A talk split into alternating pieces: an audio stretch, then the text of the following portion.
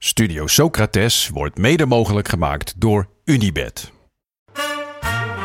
Deze week hebben we het over niemand minder dan Luis Suarez. De liefde voor Sofia bracht hem naar Europa, waar hij het rommelen met de bal tot kunst verhief. We vragen ons af of hij nou beter was bij Liverpool of bij Barcelona. En we komen tot een bijzondere conclusie. Luis Suarez is de ideale man voor de nieuwe lievelingssport van Daan, het schaakboksen.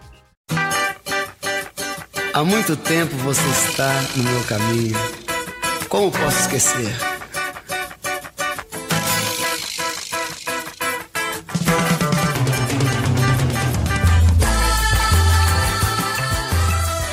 Welkom bij Studio Socrates, een podcast over alles wat voetbal mooi maakt.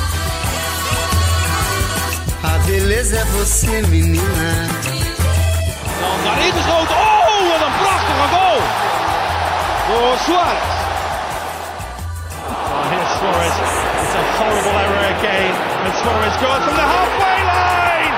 Oh, what a way to score. A Liverpool hat-trick. Recebe de volta Luiz Soares. O sorriso que dá. Hey, Don. Hey Jasper, hallo. We trappen deze aflevering af met een gekke vraag. Namelijk, hoe vaak zie jij Fluminense spelen? Live? 90 minuten of 90 een samenvattingje? Ook, kijk je wel samenvatting? Nee, allebei. Als ik heel Ik eerlijk ben, zeggen. allebei niet. Ik weet nog net dat ze paarsgroene shirts hebben. Ja. En dat eh een van mijn mannetjes daar voetbalt. Elano. Kijk, Dat nou, weet ik. Dat is, al, eh, dat is al heel wat. Maar ik vraag het omdat er iets bijzonders aan de hand is. Al een tijdje. De, Ja. de mensen die hier bovenop zitten, die hebben het waarschijnlijk al wel gehoord. De Pieter Zwarte van deze wereld. Ja, want er is een nieuwe, een nieuwe speelstijl op komst. Ehm, het gaat natuurlijk altijd een beetje in golfbewegingen. Elke keer moet er weer iets bedacht worden op Ja. een systeem wat op dat moment leidend is. Eh, Vaak bedacht door Guardiola. vaak bedacht door Guardiola. Maar nu is Guardiola ja, degene waarop eh, een nieuw systeem moet worden bedacht. Een tegenreactie Een eigenlijk. tegenreactie. En ehm, ik zag een heel mooi filmpje waarin de uitvinding van Fluminense, want dat is een van de voorlopers van deze nieuwe speelstijl, die Ja. echt een haak staat op Guardiola, eh, goed werd uitgelegd. En daar, Leg uit. ja, dus deze stijl heet eh, relation, relationism. En ze noemen de stijl van Guardiola positionism. Ja. Dus relatief tegenover positie. En ze leggen het heel mooi uit in het filmpje met een soort, eh, een soort meter.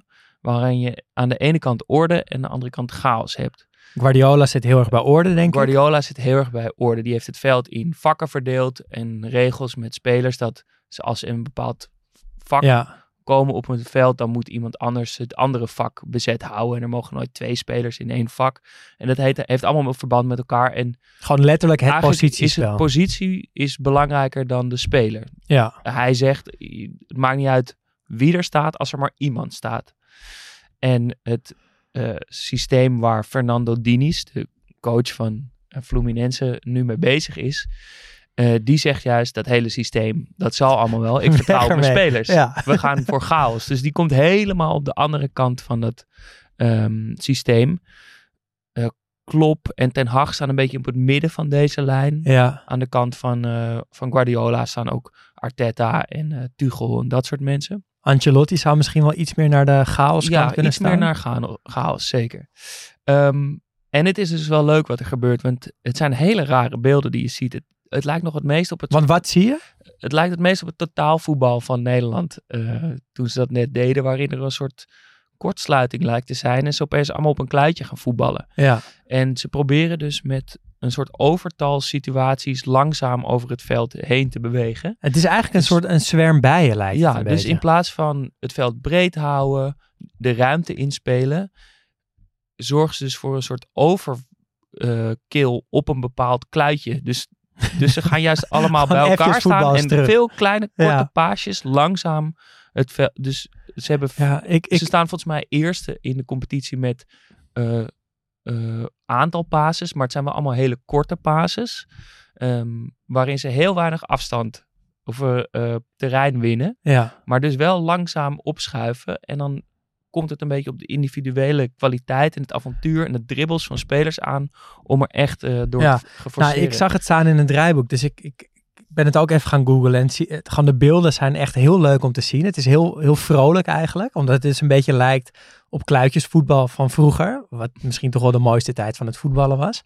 Ehm, en wat ik nog las is, het gaat inderdaad, wat je al zei, heel erg om spelers. En het systeem kan dus eigenlijk alleen maar gespeeld worden met wel een bepaald type, voetballer. Die Ja. dus houdt van de korte paasjes en de 1-2'tjes. 1-2'tjes zijn heel belangrijk, las ik En ook. daar hou jij van? Dat vind ik heel mooi. En Elano voetbalt er dus. En die is dus in het Fluminense verhaal echt de speel van, van deze speelstijl. Ehm, maar het is heel leuk. En die, je hebt ook van die momenten in die beelden dat dan eh, de linker centrale verdediger bijvoorbeeld de bal heeft. En die kan hem spelen naar de linksback die helemaal vrij staat. En dan draait hij weer terug naar de rechterkant waar zes spelers op een hele kleine ruimte staan. En dan speelt hij er gewoon in in. En dan gaan ze gewoon, gaan ze gewoon weer proberen. Het is heel leuk om naar te kijken. Ja, het is, je moet af en toe echt even in je ogen wrijven. Maar ik ben benieuwd wanneer dit de, de sprong naar Europa maakt. Ja. Misschien is het wel het antwoord. En ja, er is natuurlijk niet tegenaan te... de mooiste dingen geen- ontstaan uit tactiek chaos. Tegen, tegenaan te gooien, want je hebt geen idee Nee. wat er staat te gebeuren. Eh, dus wie weet is dit wel de nieuwe trend. Misschien is het ook wel onder, onderwerp voor een soort langere special. Ja, lijkt me heel leuk. En nog eventjes, want we gaan het natuurlijk over Suarez hebben vandaag.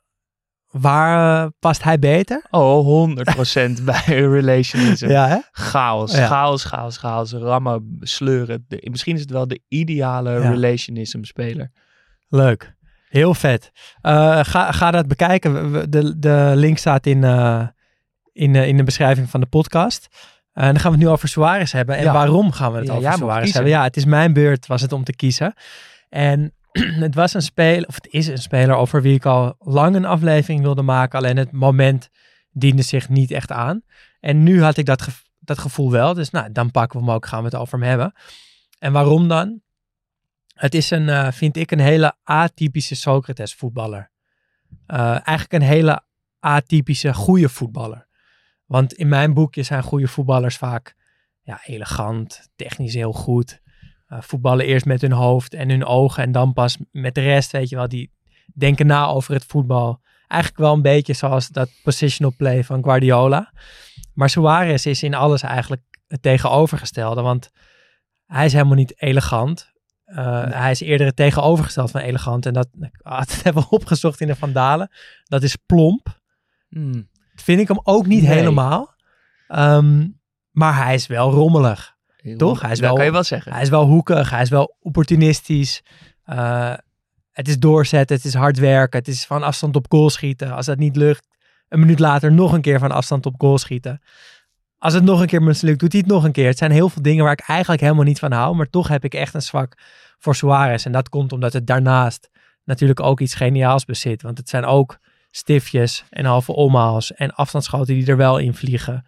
Uh, en meer dan 40 doelpunten per seizoen bij, bij Liverpool en bij Barcelona. Hij was onderdeel van MSN, Messi, Neymar, Suarez. Maar ook van Forlan, Cavani, Suarez, Recoba.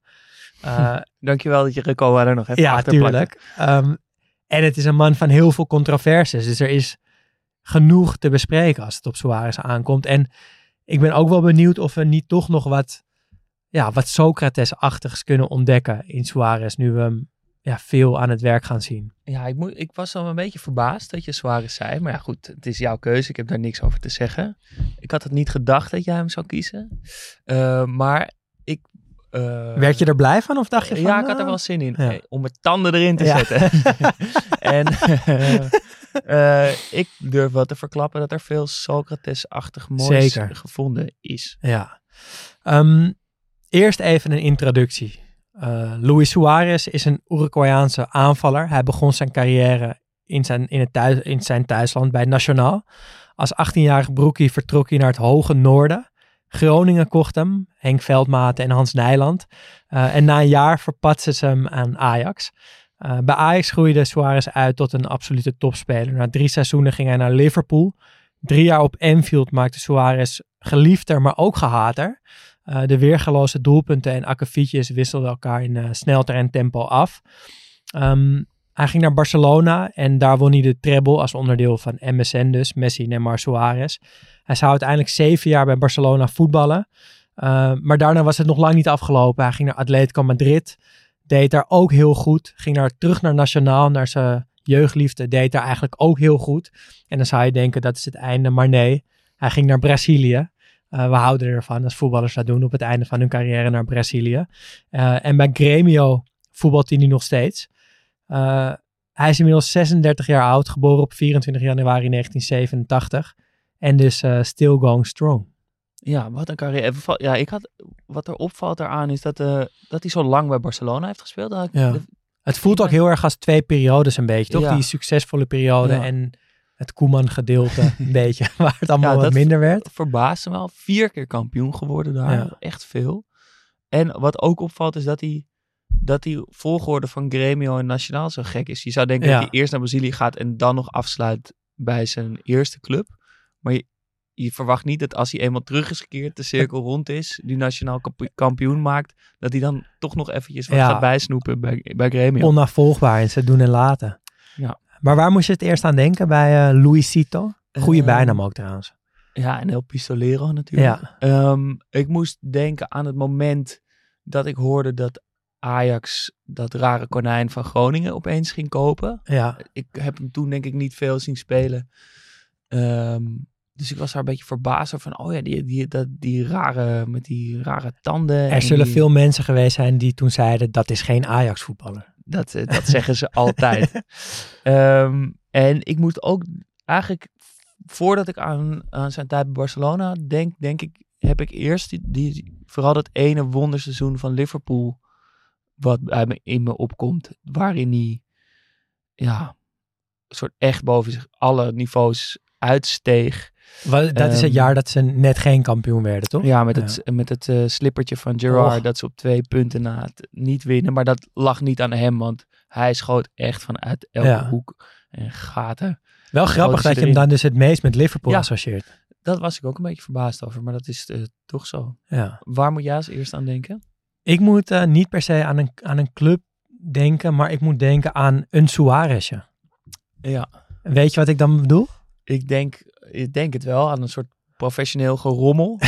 ja, dat ja, hoe dus, hij het doet, doet hij het. Maar na een hoop geduw en getrek en getik en die hotse knots, komt hij toch met die bal aan zijn voet door een veld van, door een woud van spelers heen. Ja, ja, dus gewoon lekker rommelen. Uh, het lijkt alsof er heel veel geluk bij zit. Dat heb ik al jarenlang gedacht, maar op een gegeven moment moest ik die gedachte toch laten varen, want het, het gebeurde te vaak.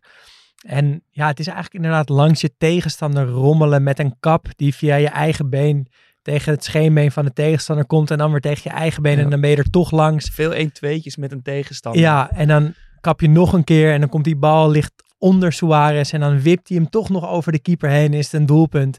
En dat soort van rommelige voetballen, dat is een Suarezje geworden in mijn hoofd. Um, en volgens mij is dat wel echt bij veel mensen is dat zo ontstaan. Dat, dat als je wel langs een tegenstander rommelt, dat dat een Suarezje heet. Uh, en ik vind dat altijd een mooi gegeven, dat iemand een, een actie heeft die naar hem of haar vernoemd wordt. In PES had je de Marseille roulette, uh, de tiptop van Zidane natuurlijk. Ja. Het heupschot van Babel. Ja, dat is mooi. ja, die vond ik ook altijd lekker. Uh, Frenkie de Jong begint het nu al te krijgen met, met, het, met het overstapje. Ja. de Elia, ken je die ook?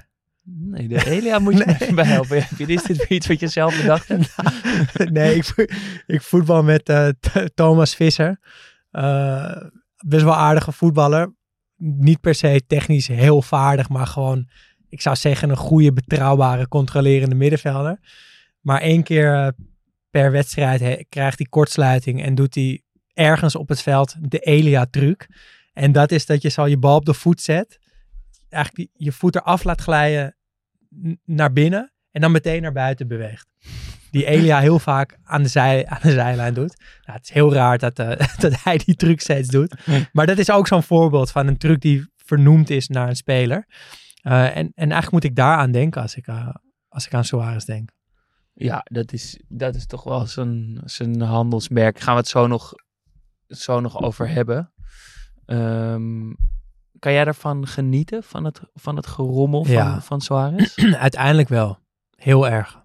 Um, omdat het, het is niet alleen gerommeld. Er, er volgt ook heel vaak wat moois uit. En het lijkt gewoon zo erg bij hem te passen. Ja, dat, Hij, is, hij, is die, hij is dat gewoon, dat rommelen. dat is denk ik toch wel een rode draad door al onze afleveringen heen. Of iets wat we elke keer weer opnieuw ontdekken, is dat een team dat eh, trouw blijft aan, aan de identiteit van de club succesvol wordt. Of dat daar, dat daar schoonheid in Ja. zit. Ook al hoort het bij de club om cynisch afwachtend countervoetbal te spelen met veel ge- geduw en getrek en klagen bij de scheids.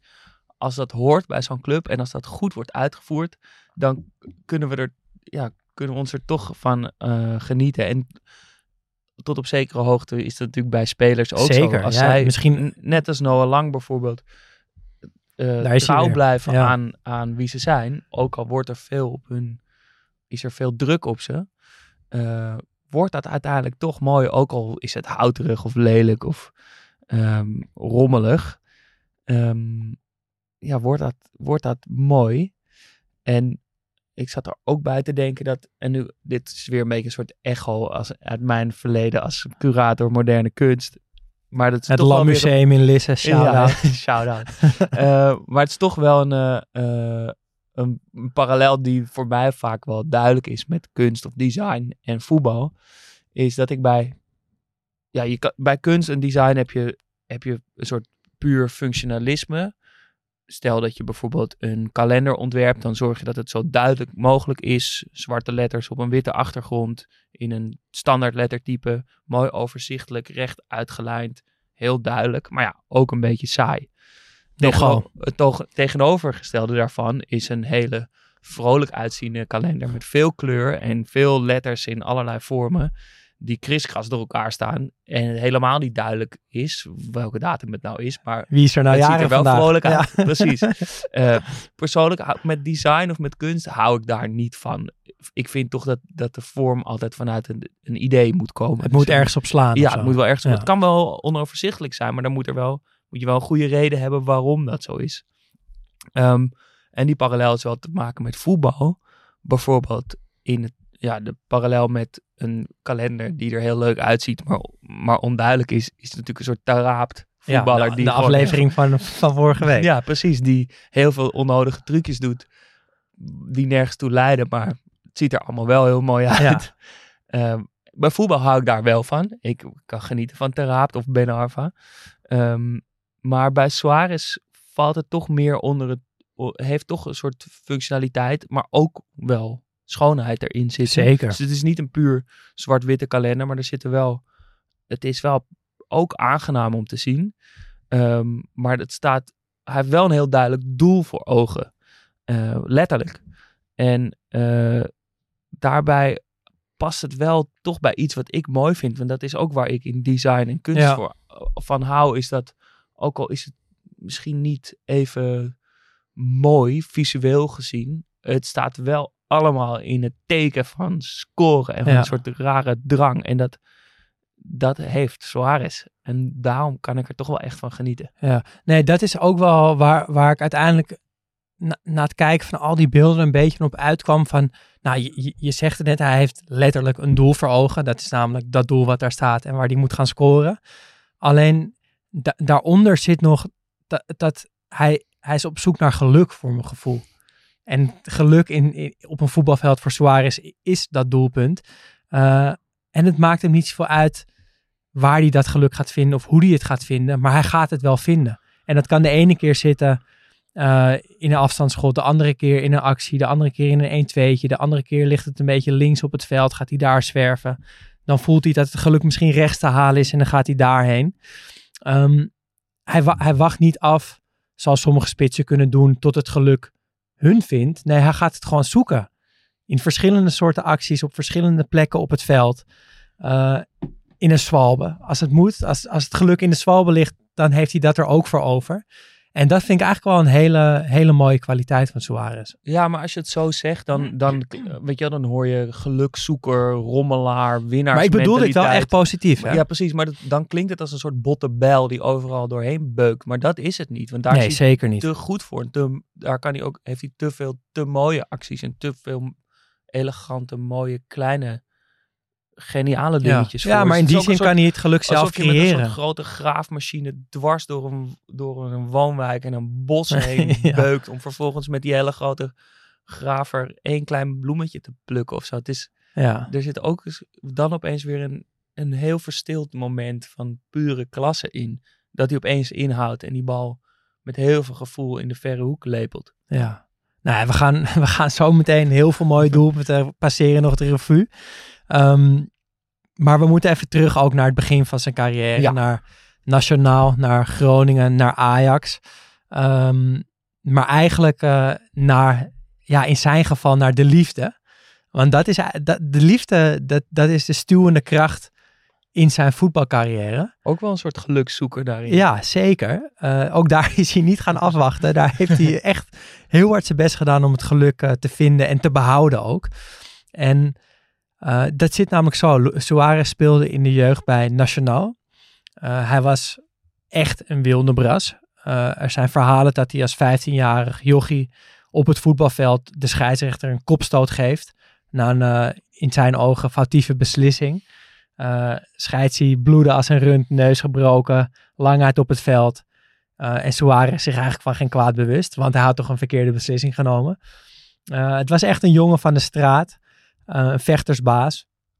En Nationaal zag zijn talent ook wel, maar zag tegelijkertijd die, ja, die zwarte kant en die wilden hem helpen. Dus die, ja, die hebben hem psychologische hulp aangeboden. En dat ging allemaal best wel, beetje bij beetje ging dat wat beter, maar hij bleef ja, die kleine straatvechter die hij is, die hij nog steeds is. Ehm, het veranderde echt toen hij op 15-jarige leeftijd Sofia Balbi ontmoette. Ehm, dat was een meisje uit de buurt, uit een welgestelde familie. Haar vader was een bankier. Ze woonde in een groot huis. Er was geld genoeg. Eh, terwijl kleine Suarez uit een gebroken gezin kwam met een vader die alcoholist was. Eh, ze hadden geen cent te makken thuis. Maar toch bloeide daar een liefde op. Eh, ze werden verliefd en in plaats van dat die familie van Sofia dacht, ja, wat moeten we nou met deze 15-jarige straatvechter, werd hij opgenomen in dat gezin. Eh, ze hielpen hem met zijn huiswerk maken. Eh, ze liet hem inzien dat hij geen ezel was, maar gewoon een hele leuke, lieve jongen die gewoon wat hulp nodig had. Ehm, ze stoten hem dus niet af, maar ze sluiten hem eigenlijk in de armen. En dat is op zo'n jonge leeftijd voor Suarez dus al een heel bepalend moment. Alleen dat lijkt in de knop gebroken te worden als Sofia met het hele gezin naar Barcelona verhuist. Vader krijgt een baan als bankier in Barcelona en ze gaan, eh, ja, ze gaan weg. Ehm, die relatie, ja, dat wordt opeens een lange afstandsrelatie. Ik ben blij dat ik dat nooit gehad heb, want dat lijkt me echt een ramp. Uh, maar Suarez laat het, laat, het er niet bij, uh, laat het er niet bij zitten. En die krijgt eigenlijk één doel. En dat is zo snel mogelijk in Europa gaan voetballen. Want Barcelona is Europa. Europa is Sofia. En daar moet ik heen. En dat is een van de belangrijkste redenen. Misschien wel de belangrijkste reden. Dat hij dus bij Groningen terechtkomt. Want die hebben interesse in hem. Na, na een goed half seizoen bij Nationaal. Uh, die willen hem wel hebben. Suarez denkt, ik ken Groningen niet. Waar ligt Groningen? Wat voor shirt dragen ze? Wie spelen daar eigenlijk? En dan ziet hij dat het dichter bij Spanje is dan Uruguay. En dan denkt hij, ik ga gewoon. Om eigenlijk om bij Sofia in de buurt te kunnen zijn. Uh, en dat plan, dat pakt goed uit. Uh, ze zijn nog steeds samen, Suarez en Sofia. Uh, ze hebben drie kinderen. Um, en hij prijst haar eigenlijk elk moment dat het kan de hemel in. Hij kust uh, die hand natuurlijk met ja. het scoren altijd voor uh, kusjes op zijn ja. pols, op zijn ringvinger en op drie vingers voor, voor zijn kinderen en voor uh, zijn vrouw. En dat is, eh, ja, dat is een soort, ja, een, een Shakespeareaans liefdesverhaal bijna. ja. wat, ik, wat een beetje cliché is misschien, maar wat ik toch wel echt heel vet vind en ja, heel mooi vind. En het is mooi, want, het, want hij uh, is in de liefde dus net zoals op het veld. Gewoon dwars doorheen. Ja. Oké, okay, dan maar gewoon naar, uh, naar Groningen. Want dan ben ik in ieder geval die, gewoon dat geluk zoeken. Waar we het net over hadden. Dat zit dus ook in zijn liefdesleven. Ja, en op zo'n jonge leeftijd al. Voor. Ik beuk er. Er is ook een verhaal dat hij dan elke keer 20 kilometer ja, klopt, uh, naar hun huis moet. Geen geld heeft voor de bus. En dan maar gewoon gaat rennen. Ja, ja dat is toch wel echt de romantiek. Ja. Um, het verhaal van hoe die vanuit Nationaal naar ehm, Groningen gaat is ook mooi. Want eh, Henk Veldmaten is uiteraard de scout in Uruguay. Is daar eigenlijk voor een andere speler, maar ziet een wedstrijd van Nationaal tegen Defensor. Ehm, en ziet daar Suarez aan het werk en was meteen genoeg om het transferrecord van Groningen te, te verbreken. Eh 800.000 eh, euro halen ze hem eh, naar, naar Groningen toe. En dat komt door, ja, zij zeggen, een wonderdoelpunt wat hij maakt. Er is een filmpje te vinden van, van die wedstrijd. Tenminste, Jij ja, zal het opgezocht uit, hebben. uit, uit zijn eerste seizoen, enige seizoen op dat moment bij Nationaal, is er een goal tegen Defensor. Eh, wat echt heel typisch, typisch Suarez goal is. Hij krijgt de bal aan de rechterkant van het strafschopgebied. Hij lijkt met rechts in de lange hoek te schieten. Maar kapt met die typische kap die dan ook nog eigenlijk tegen zijn linkerbeen Ja. aanstuitert. Ja, En dan blijft die nooit bal laag dus- op de grond. ligt die bal dus. En dan zie je dat, wat volgens mij ook heel typisch is, dat hij met zijn lichaam zo moet kronkelen en draaien en worstelen om een goede positie achter, dat, achter die bal te krijgen. Om, Ja. En dan zie je hem dus dat zo, dat hakkige kleine stapjes om weer goed achter die bal uit te komen. En dan in dat rare bewegen tikt hij de bal nog een keertje naar links. Nog een verdediger slide voorbij. En dan met links krult hij de bal in de verre hoek. Ja, dat zien we hem daarna nog veel vaker Ja. maken. Ja, en het is bijzonder dat bij Groningen, eh, zijn, zijn eerste twee doelpunten bij Groningen zijn, zijn ook echte Suarez doelpunten. En buiten het feit dat het qua, qua stijl eh Suarez zijn, want het is ook weer kappen en vallen en dan toch scoren, zijn het ook Suarez doelpunten in de zin van dat het de 3-3 en de 4-3 zijn in, in de blessuretijd. Dus het, het is een belangrijk moment. Het zijn belangrijke doelpunten. En nou, die beelden jij hebt gezien bij Nationaal, die laten dat zien. Die eerste beelden bij Groningen laten dat ook zien. Het is gewoon alsof je naar de Suarez van nu kijkt. Qua, qua bewegingen, qua stijl van spelen, qua waar die goed in is. Uh, het is precies hetzelfde. En ik vind dat altijd bijna iets ontroerends als zo'n stijl zich eigenlijk gewoon niet doorevalueert. Dat het gewoon 18-jarige Suarez is hetzelfde als 36-jarige Suarez. Tuurlijk gaat het nu wat trager, et cetera. Maar hij doet precies dezelfde dingen en het ziet er precies hetzelfde uit. Um, terwijl bij, nou, uh, bij Messi bijvoorbeeld, dat was een, toen hij kwam op rechtsbuiten werd hij neergezet, want hij was nog een beetje kwetsbaar en moesten hem rustig brengen. Uh, terwijl nu voetbalt hij bijna alleen nog maar achter de bal. Is het de beste steekpas ter wereld en is het een doelpuntenmaker geworden. En als, gewoon, die is best wel geëvalueerd als voetballer. Neymar was een soort van vrolijke dartelaar. En dat is hij nu op goede dagen nog steeds. Maar het is ook best wel een vervelend mannetje geworden. Zo kan je ook je ontwikkelen. Ja, of zo'n soort van Persie die eerst ook zo'n Ja. of een zo'n buitenspeler is en uiteindelijk gewoon een hele gecontroleerde spits wordt. Ja, dat zijn allemaal spelers die zich echt op een bepaalde manier ontwikkelen in hun carrière. Uh, maar Suarez is altijd helemaal dezelfde gebleven. En ik zag laatst een filmpje ook nog voorbij komen van een 14-jarige Mbappé bij Monaco. En de 14-jarige Mbappé is ook nog, of was, is hetzelfde als de Mbappé die je nu kent. Met die, met die scharen en, die handjes die zo hangen. Uh, en die hele grote, snelle passen. Dus ik vind het altijd heel, uh, heel vet als dat, als dat zo herkenbaar blijft. Ja, prachtig. Um, we moeten toch even terug naar Groningen, want ja, daar, daar begint het natuurlijk allemaal. Uh, en, want daar zit ook veel moois in. Dat, dat gekke contrast van, van Uruguay naar Ja. de Euroborg. ja, veel groter kan je het bijna niet, niet uh, krijgen. En dat hij daar dan toch in de armen wordt gesloten. Maar toch ook een beetje moeizaam met Schwalbes en onhandig en zo. De, de samenwerking met Ron Jans, die die nog steeds een van zijn beste coaches ooit noemt. En vooral ook die met Nefland. Wat een spitsenduo. Wat een spitsenduo. Ja. En is misschien ook wel bijna een aflevering waard, uh, Nefland. Er gaan allemaal gekke verhalen rond. Hij schijnt na zijn uh, carrière nog uh, autoverkoper in Audi's te zijn geworden. Oké. Okay. Ja, dat soort vreemde ja, en dingen. En die Nefland heeft hem ook wel echt onder zijn hoede genomen. Ze spraak, konden geen woord verstaan uh, met elkaar, maar toch handen en voeten zag Nefland ook wel dat het bijzonder was wat ja. Suarez deed. En uh, hielp hem. Ja, en het is zo knap dat hij, dat hij, ja, daar zullen we het zo nog iets langer over hebben, maar dat hij gewoon geen gewenningsperiode heeft. Geen aanpassingsproblemen. Hij, is 18 jaar. Hij komt vanuit eh, Uruguay in de Euroborg en vanaf eigenlijk vanaf seconde 1 staat hij er. En ik vind het dan ook heel typisch dat hij dan na één jaar ook meteen wel denkt van, nou, ik ben hier alweer te goed, ik ga door.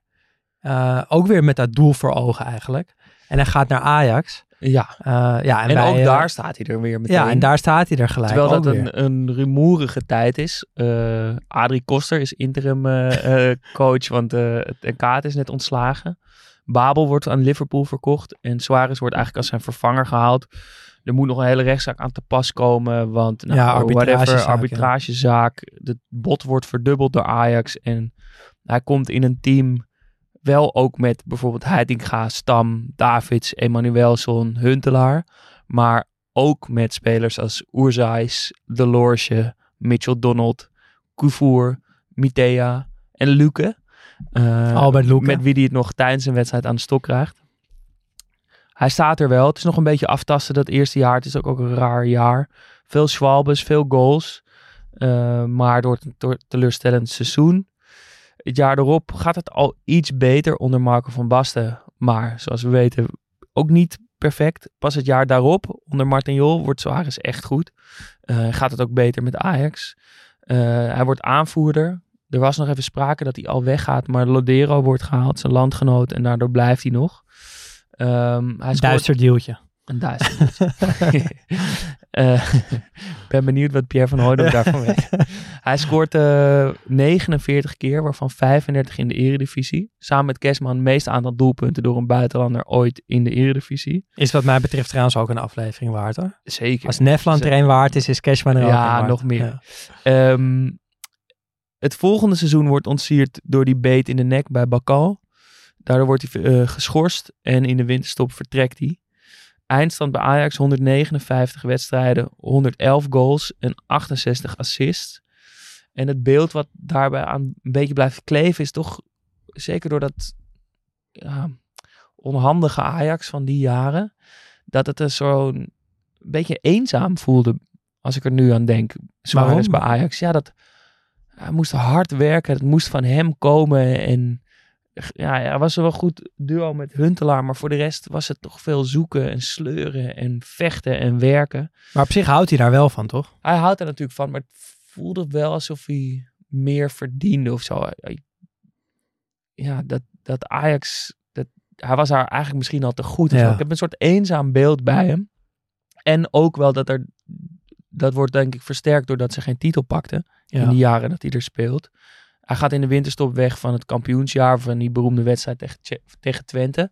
Hij krijgt nog wel een medaille, maar ja, zit al lang hoog en droog in Liverpool.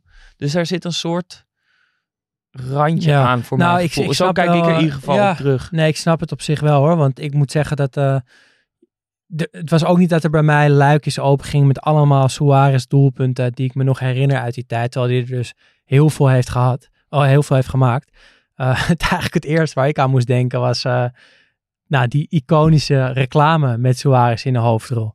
Het is voor een, uh, ja, het, het, het is voor een brillenmerk, geloof Nee, voor een gehoorapparaatmerk. En het, het is een hele lullige, maar een hele goede reclame. Met geweldig acteerwerk van uh, Louis. Ja, en hij is ook heel leuk zonder beeld. Dus we gaan er gewoon even naar luisteren.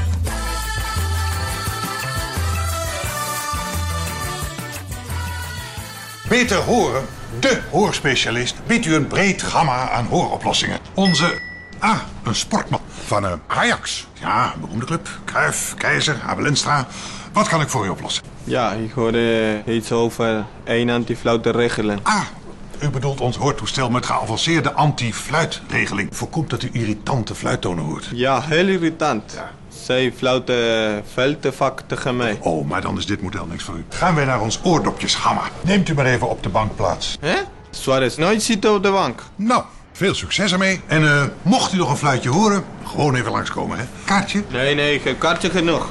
Alleen bij Beter Horen. Het breedste assortiment aanmerk hoortoestellen en gehoorbeschermers tegen de laagste prijzen.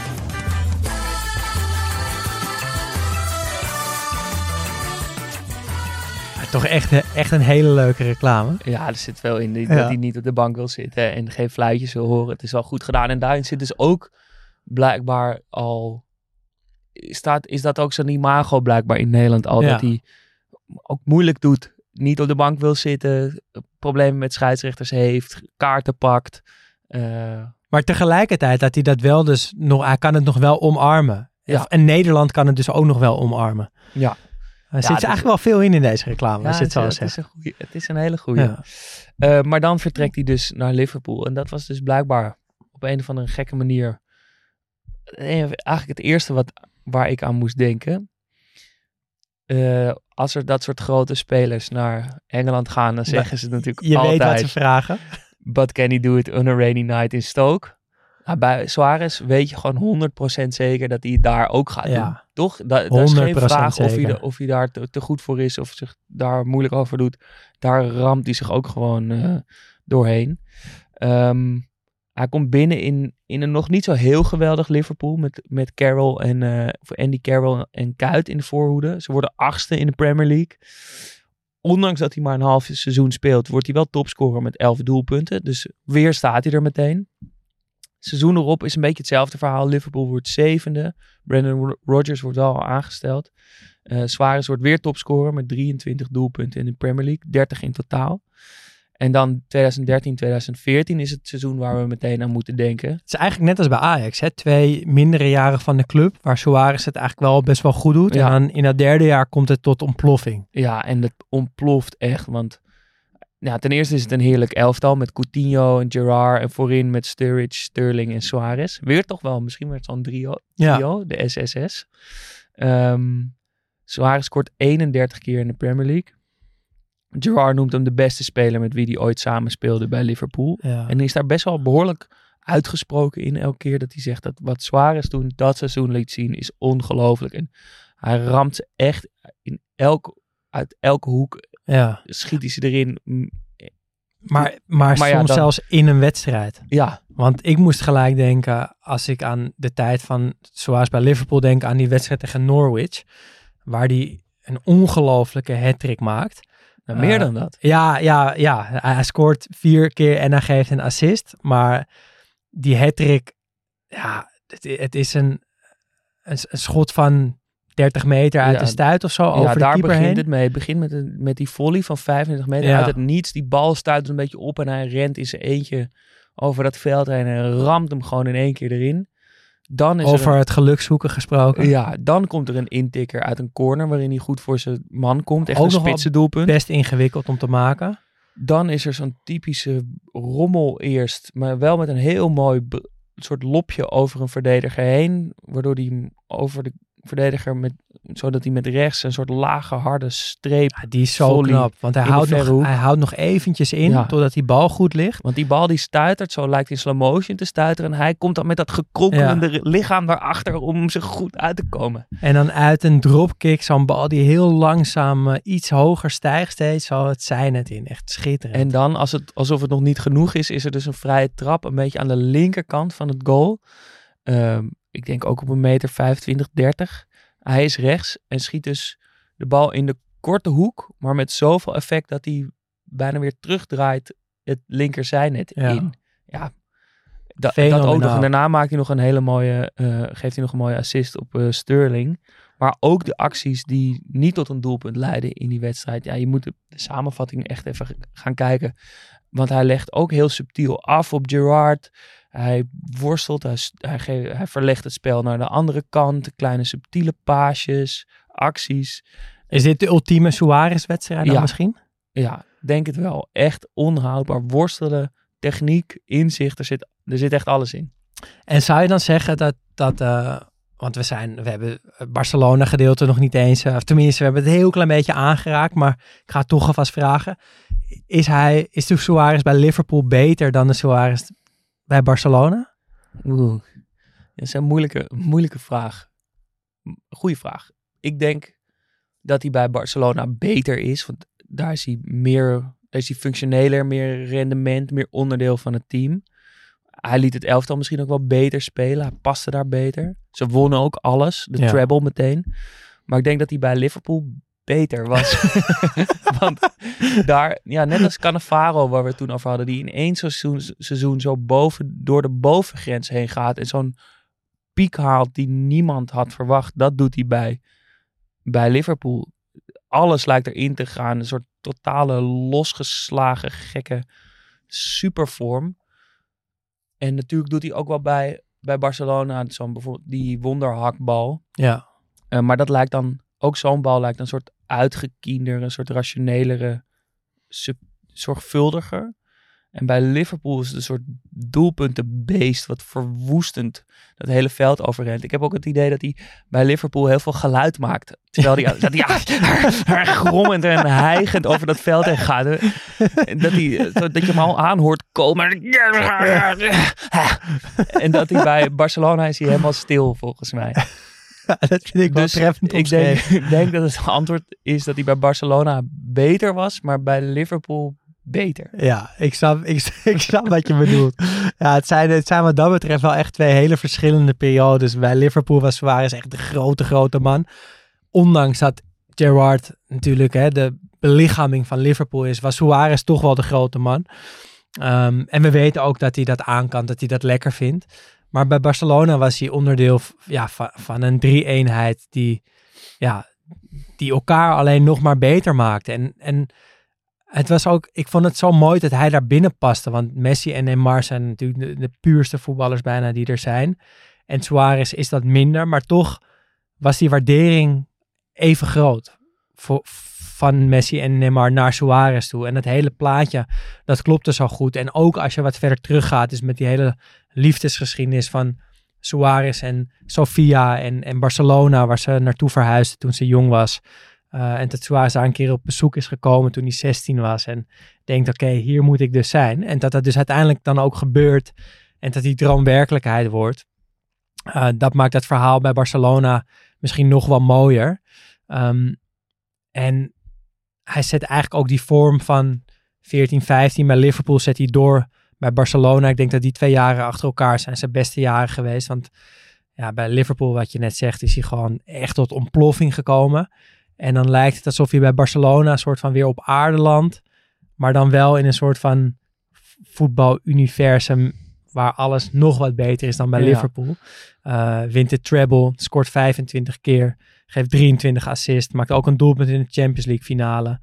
Ehm, ja, die MSN, weet je, samen 450 wedstrijden gespeeld, 364 doelpunten en 173 assists. Dat, dat houdt gewoon maar niet op.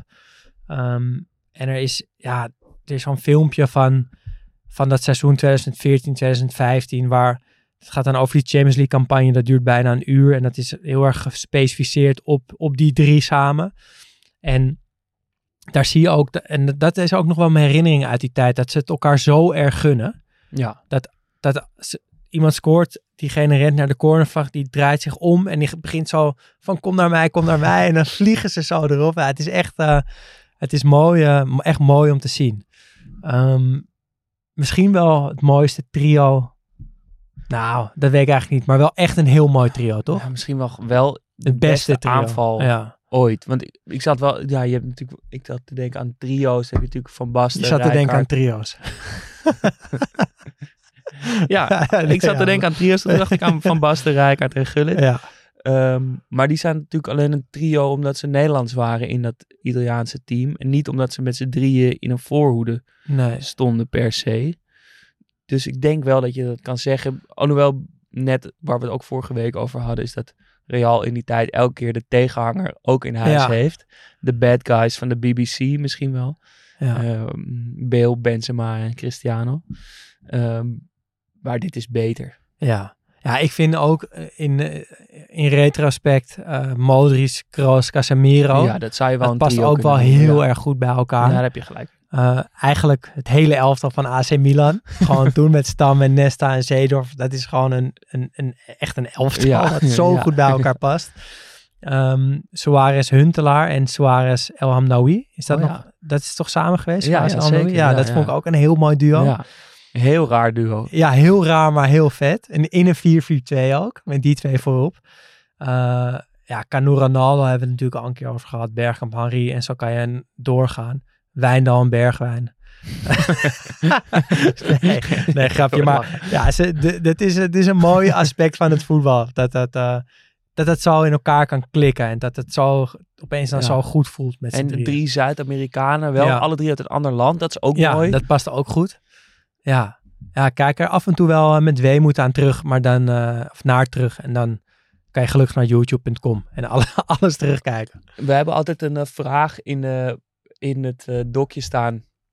Met, eh, met wat is de handtekening van deze speler? En daarin proberen we altijd even iets te vatten waar, wat ja, dit pure kenmerk is Ja. van Suarez. Ik heb er veel over nagedacht. Ja, dat rommelen is het, dat komt, dat Ja, is het misschien wel, is- komt in de buurt, het, maar dat maar, is... maar met rommelen doe je hem echt tekort. want Precies, hij, ja. hij kan ook dingen die niemand anders kan. ja, Eh, puur vanuit vaardigheid. ja. En op een of andere manier, tenminste, ken jij de sport schaakboksen? Nee, ik, ik, ik ken schaken. Je kent Eh, boksen. Ik ken boksen, maar schaakboksen ken ik niet. Wat ik nu voor me zie is... is eh, ja, dat is het ook, ja, denk ik. ja, is het ook echt Ja, het in is een ring? En, Ja, nou, het is, een, het is een, een sport die, die, zoals de naam het al zegt, dus een combinatie is tussen schaken en boksen. Bedacht door een striptekenaar en, en uiteindelijk ook echt uitgevoerd door kunstenaar Ipe Rubing. Ehm, was een soort experiment of performance, maar is uitgegroeid tot echt een aantal serieuze wedstrijden. Het zijn rondes van drie minuten schaak. Die worden afgewisseld met rondes van drie minuten boksen. Dit en het mooie ervan. Ongelooflijk Ja, dit is goed.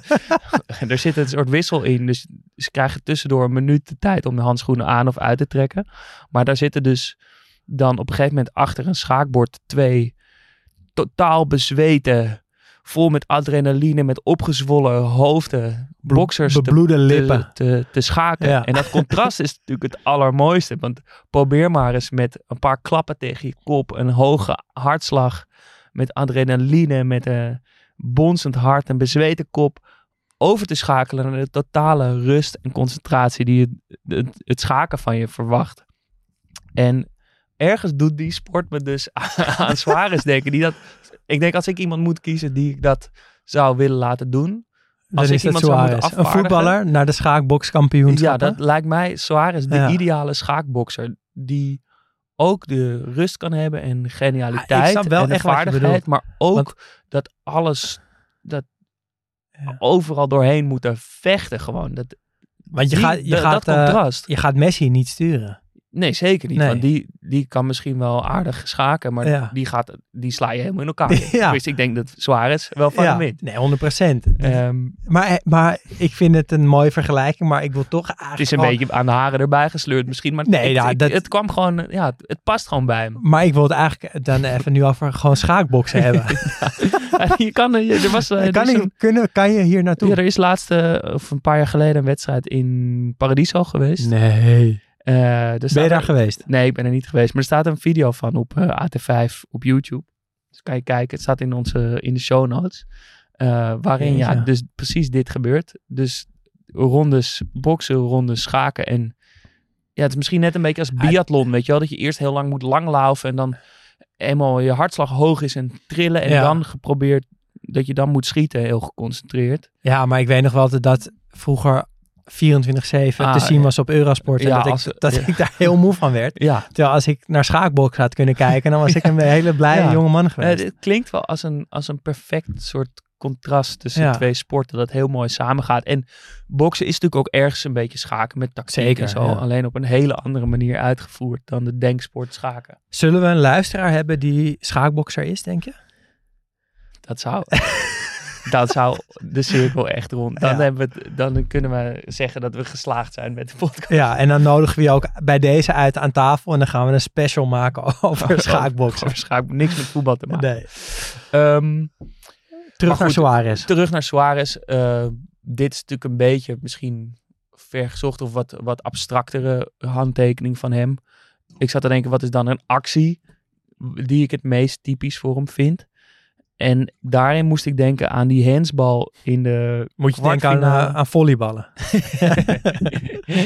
Eh, nee, aan de handsbal die hij maakt in de kwartfinale op het WK 2010 tegen Ghana. Het staat 1-1, diep in blessuretijd. Ghana krijgt nog een vrije trap.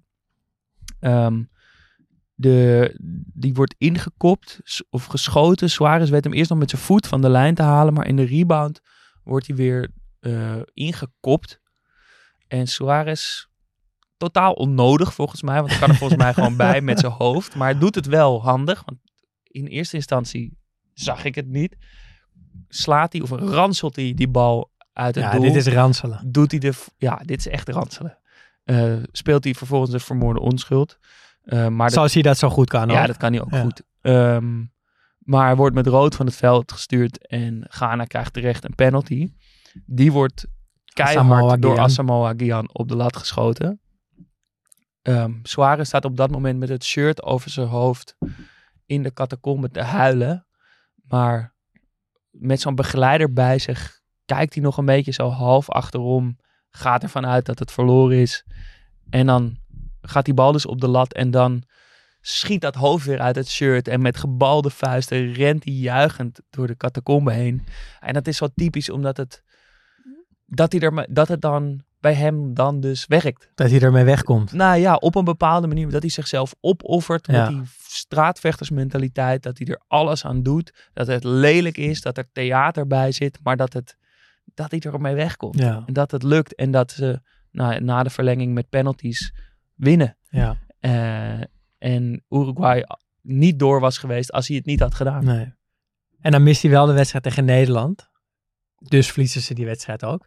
Dat dan Maar- weer wel. Maar ja, Nee, tuurlijk. Het is het 100% waard geweest. Eh, en ja, en wat een elftal was dat. Toch? Ja. Want niet alleen Suarez, maar ook Forlan, Cavani en Recoba. En sowieso is dat Uruguay echt een fascinerend voetballand. Want ze hebben twee keer het WK gewonnen. Eh, niet Brazilië, niet Argentinië. Maar Uruguay won de meeste koppen Amerika's. En dat terwijl er maar 3,4 miljoen mensen wonen. Dus het is echt nog een stuk minder, echt een heel stuk minder dan in Nederland. Eh, en ik heb, ja, ik wist dit wel, maar ik, had, ik heb altijd het gevoel gehad dat Uruguay een gigantisch voetballand is. Maar dat, dat is helemaal niet zo. nee. Er, er gebeurt daar iets speciaals. Ja, sowieso een speciaal land. Een heel sociaal, Ja. links land. Ehm ben je relaxed land volgens mij. Ja. zou er misschien wel een keertje heen willen. Griezmann is er ook eh, wild van, toch? Echt? Met Is veel? Uruguayanen samengespeeld en is ook helemaal fan van, een, van Uruguay. Ehm, ja, hoe ze, ja, misschien moeten we er toch maar eens gaan kijken hoe ze dat doen. Ehm, zou jij... Nou, tenminste, voordat we verder gaan. ehm, we vergeten bijna misschien nog wel zijn echt persoonlijke hoogtepunt. Ik, Ik, denk ik dat je kan was zeggen, dit echt vergeten. ik denk dat je kan zeggen dat het de treble met Barcelona is. Maar je zou ook kunnen zeggen dat het de sportieve wraak was die hij bij Atletico nam op Barcelona. Daar gaat hij gefrustreerd weg. Hij wordt het wordt gezegd dat hij te oud is. eh, dat hij het niet meer kan. Koeman hoeft hem niet meer. Hij wordt weggestuurd. In de armen gesloten bij Atleti. En net Past als, dan ook wel weer goed, hè? Ja, past, Dat hij dan die past kant op gaat. Ja. Ehm, en net als Cruijff in het kampioensjaar bij Feyenoord lijkt hij ook het hele seizoen op rancune te kunnen voetballen. En eigenhandig als topscorer met 21 doelpunten Atletico voor het eerst weer kampioen te maken. Doelpunten tegen Barcelona ook, hè? Doelpunten tegen Barcelona en de beslissende in de kampioenswedstrijd. Ehm, het is zo'n prachtig beeld dat hij daar na, het verlo- na die gewonnen wedstrijd in de middencirkel zit te facetimen. Ik denk met zijn familie. Eh, en keihard aan het huilen is. En het voelt dus ook veel meer een soort persoonlijke overwinning op Barcelona dan een winst met de club. Komt misschien ook doordat het het coronajaar is. Dus het zijn alleen maar lege tribunes. En Ja. daardoor voelt het nog meer als een soort eenzame veldtocht van Ja. hem. Een soort kruistocht op eerherstel. En dat is toch wel, als je in je eentje een seizoen lang zo'n team eh, op rancune op sleeptouw kan nemen en kampioen kan maken, dan ja, dat is totaal Ja. aan hem te danken. Ja, er zit er eigenlijk iets, iets heel fouts in je, maar ook iets heel goed. Toch dat je zo, ja, maar dat je hem het- niet een boeman daarin. Nee, nee, maar dat je, maar dat, sportief. ja, maar dat je dat dus zo persoonlijk kan Ja. nemen dat je denkt, ik, ik laat het nog wel even zien, dat ik het nog wel kan. Ja. Ik ben er altijd wel jaloers op. Echt heel, eh, echt knap. En hij blijft eh, daarna nog een jaar, eh markeert dan terug. Ja. Zou je denken om af te sluiten bij Nationaal. Ja, en dat is een opmerkelijke keus, omdat hij nou, dus nog twee goede jaren daarvoor heeft gehad. En omdat het WK eraan zit te komen. dus hij moet zich ook gewoon nog in die selectie voetballen. Eh, en naar Uruguay teruggaan is qua niveau bijvoorbeeld echt nog wel wat anders dan naar Nederland teruggaan. Het competitieniveau is daar nog een stuk lager. Eh, maar toch gaat hij en het hele land wordt gek. Er zijn hele mooie beelden van die terugkeer in het stadion. Uh, Messi met een, uh, met een filmpje, want die twee zijn ook beste vrienden geworden in die tijd in Barcelona. Dat vind ik ook altijd nog wel een mooi detail. Uh, maar met een filmpje op het grote scherm in het stadion om hem welkom te heten. en hij doet het daar eigenlijk ook weer meteen goed. maar die competitie is heel matig. En ik, ik weet ook niet zeker of dat nou de reden is dat hij na een jaar daar weer weggaat. maar hij gaat dus wel na een jaar weer weg. Um, naar, uh, naar Brazilië, naar Grêmio. En daar voetbalt hij nog steeds. En daar doet hij ja, eigenlijk precies hetzelfde als 18-jarig jochie bij Groningen. Namelijk, hij scoort, uh, maar hij is ook bloedirritant. Want ik zag laatst een filmpje weer voorbij komen van één week geleden of zo. Dat hij, uh, wordt hij neergehaald en dan is zijn schoen ja, is zo net een beetje los. En dan krijgt hij geen vrije trap mee. En om, om te bewijzen dat hij wel echt geraakt is, trapt hij zijn eigen schoen nog iets verder uit. En dan gaat hij zo wijzen, ja, maar mijn schoen is toch uit? Ik, dit was toch een overtreding? Ja, je ziet toch een beetje je vader of zo ja. zitten. Was, nou, hij is dan 36, die zich nog ongelooflijk ja. aanstelt. denk je, nou, dat heeft hij toch helemaal niet meer nodig. Nee, maar het zit er gewoon in. Ja. Uh, hij, dat is Suarez. En kijk, als het nou ten koste zou gaan, dat, stel nou dat hij nou niet meer zou scoren en dat het dat hij niks meer doet daar, behalve een beetje irritant zijn. Maar dat is niet zo, want hij scoort nog steeds aan de lopende band. Ja, en het brengt ons een beetje naar het eind, maar dus ook een beetje op, op de kritiek of zijn dieptepunt waar we het natuurlijk wel over moeten hebben. En dat zijn die incidenten, ja. bijten en ook racisme. Um, zelf zegt Suarez over zichzelf, I have a very strange way of playing football. Ik vind dat, dat echt zo'n mooie uitspraak ja. eigenlijk. Want het is ook best wel lief of um, maar dat is het natuurlijk ook. Hij heeft ook een rare manier van voetballen. En daar hoort dat, dat heet hoofd wat hij is, hoort daarbij. En dat is... Ja, hij heeft dat natuurlijk ook wel een beetje in zijn, arm, in zijn armen gesloten, die manier van spelen. Hij weet hij ook, dat hij dat nodig heeft. Net als Noah Lang weet ook wat hij nodig heeft. uh, maar er is natuurlijk een grens. En niet één, niet twee, maar drie keer een tegenstander bijten gaat echt veel te ver. Bakal. Toch ook wel leuk dat je zo'n soort raar dierlijk oerinstinct niet kan onderdrukken. En dat je dus opeens iemand gewoon gaat bijten. Nou, ik vind het, ik vind het veel minder erg dan iemand spugen bijvoorbeeld. Ja, het is een wat meer een soort oer. Ja, het is een primaire reactie. Je, je, kan je ergens nog wel voorstellen dat dat gebeurt of zo. Terwijl ja. iemand spugen. Ja, ja. ja. Um, de eerste is dat dus inderdaad tegen Bakal tijdens een opstootje. Hij zegt zelf, omdat Bakal op mijn voet stond. Goede uh, reden. Bijt hij hem in zijn nek. Maar het is een beetje een soort verdekte straatvechtersactie. Ja. Waarin hij hoopt dat de scheidsrechter het niet ziet. Bakal die dan dat het kraagje opzij trekt om die tandafdruk te laten zien. De tweede is het allerraarste. Tegen Branislav Ivanovic. In een duel, bals aan de zijkant, wordt misschien voorgegeven of niet. Zij staan met z'n tweeën voor, de, voor het doel te worstelen om een goede positie te krijgen.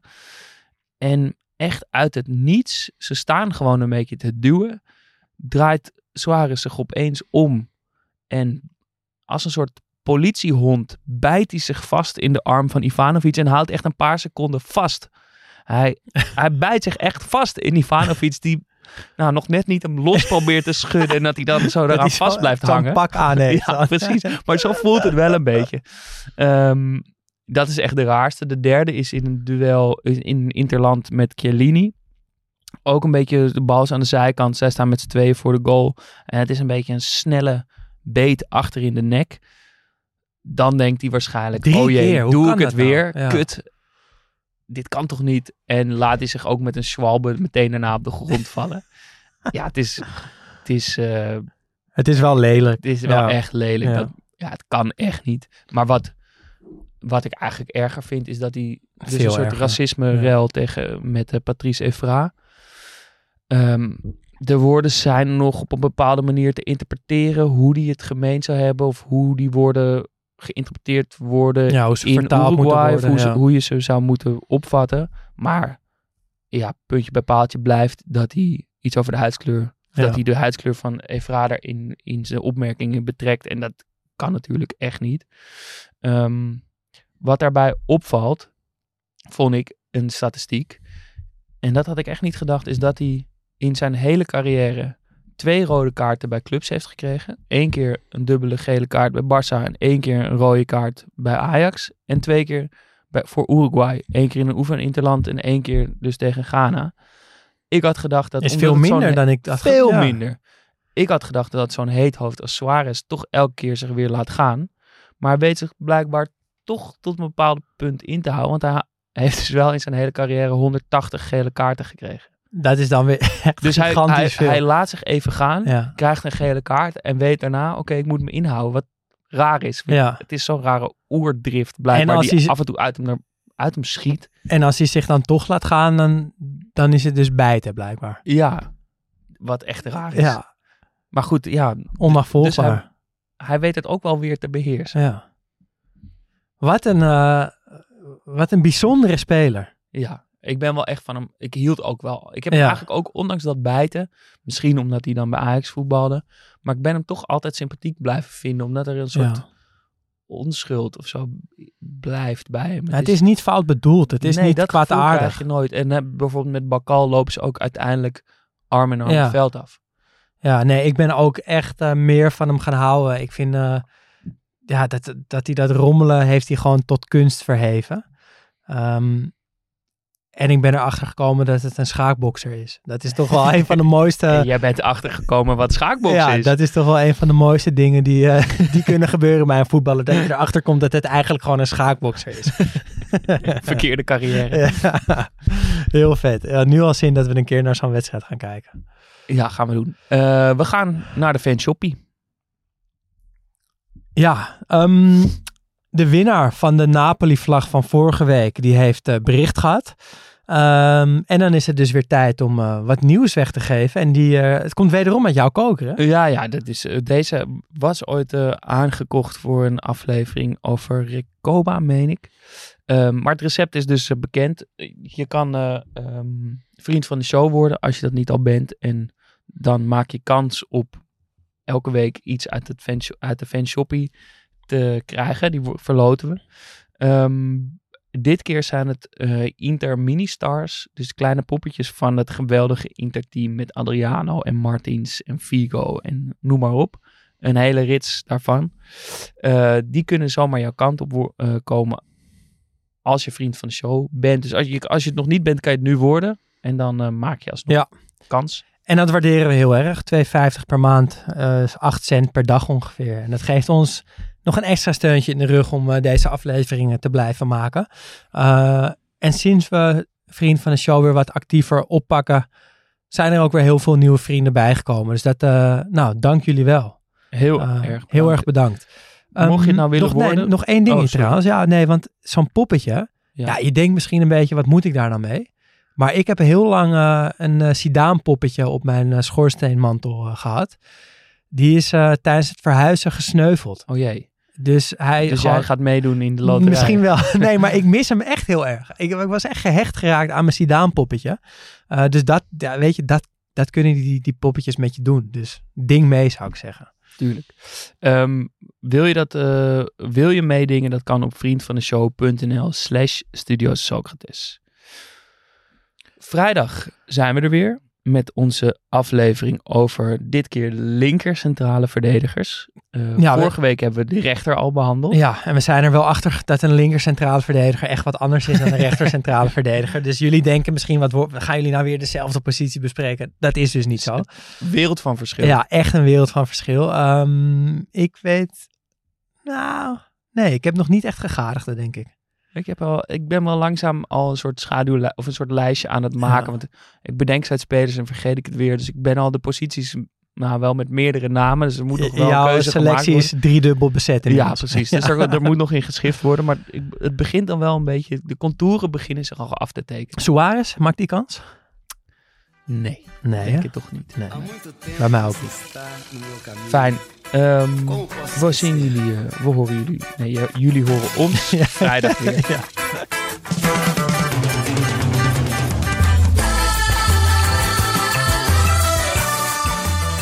Studio Socrates wordt mede mo- mogelijk gemaakt door FC Afkikken. We zijn te vinden op Twitter en Instagram studio-socrates. En op vriendvandeshow.nl slash Studio Socrates kun je ons steunen al vanaf 2,50 euro per maand. En maak je dus, zoals gezegd, elke week kans op een product uit onze eigen fanshoppie. Ja, dus twijfel uh, niet langer en uh, word vriend van de show. Zijn we heel blij mee. Um, en je kunt ons ook mailen als je nou, wat meer te, van je chest wil. Uh, Studio Socrates podcast at gmail.com en dan hoor je ons heel snel weer.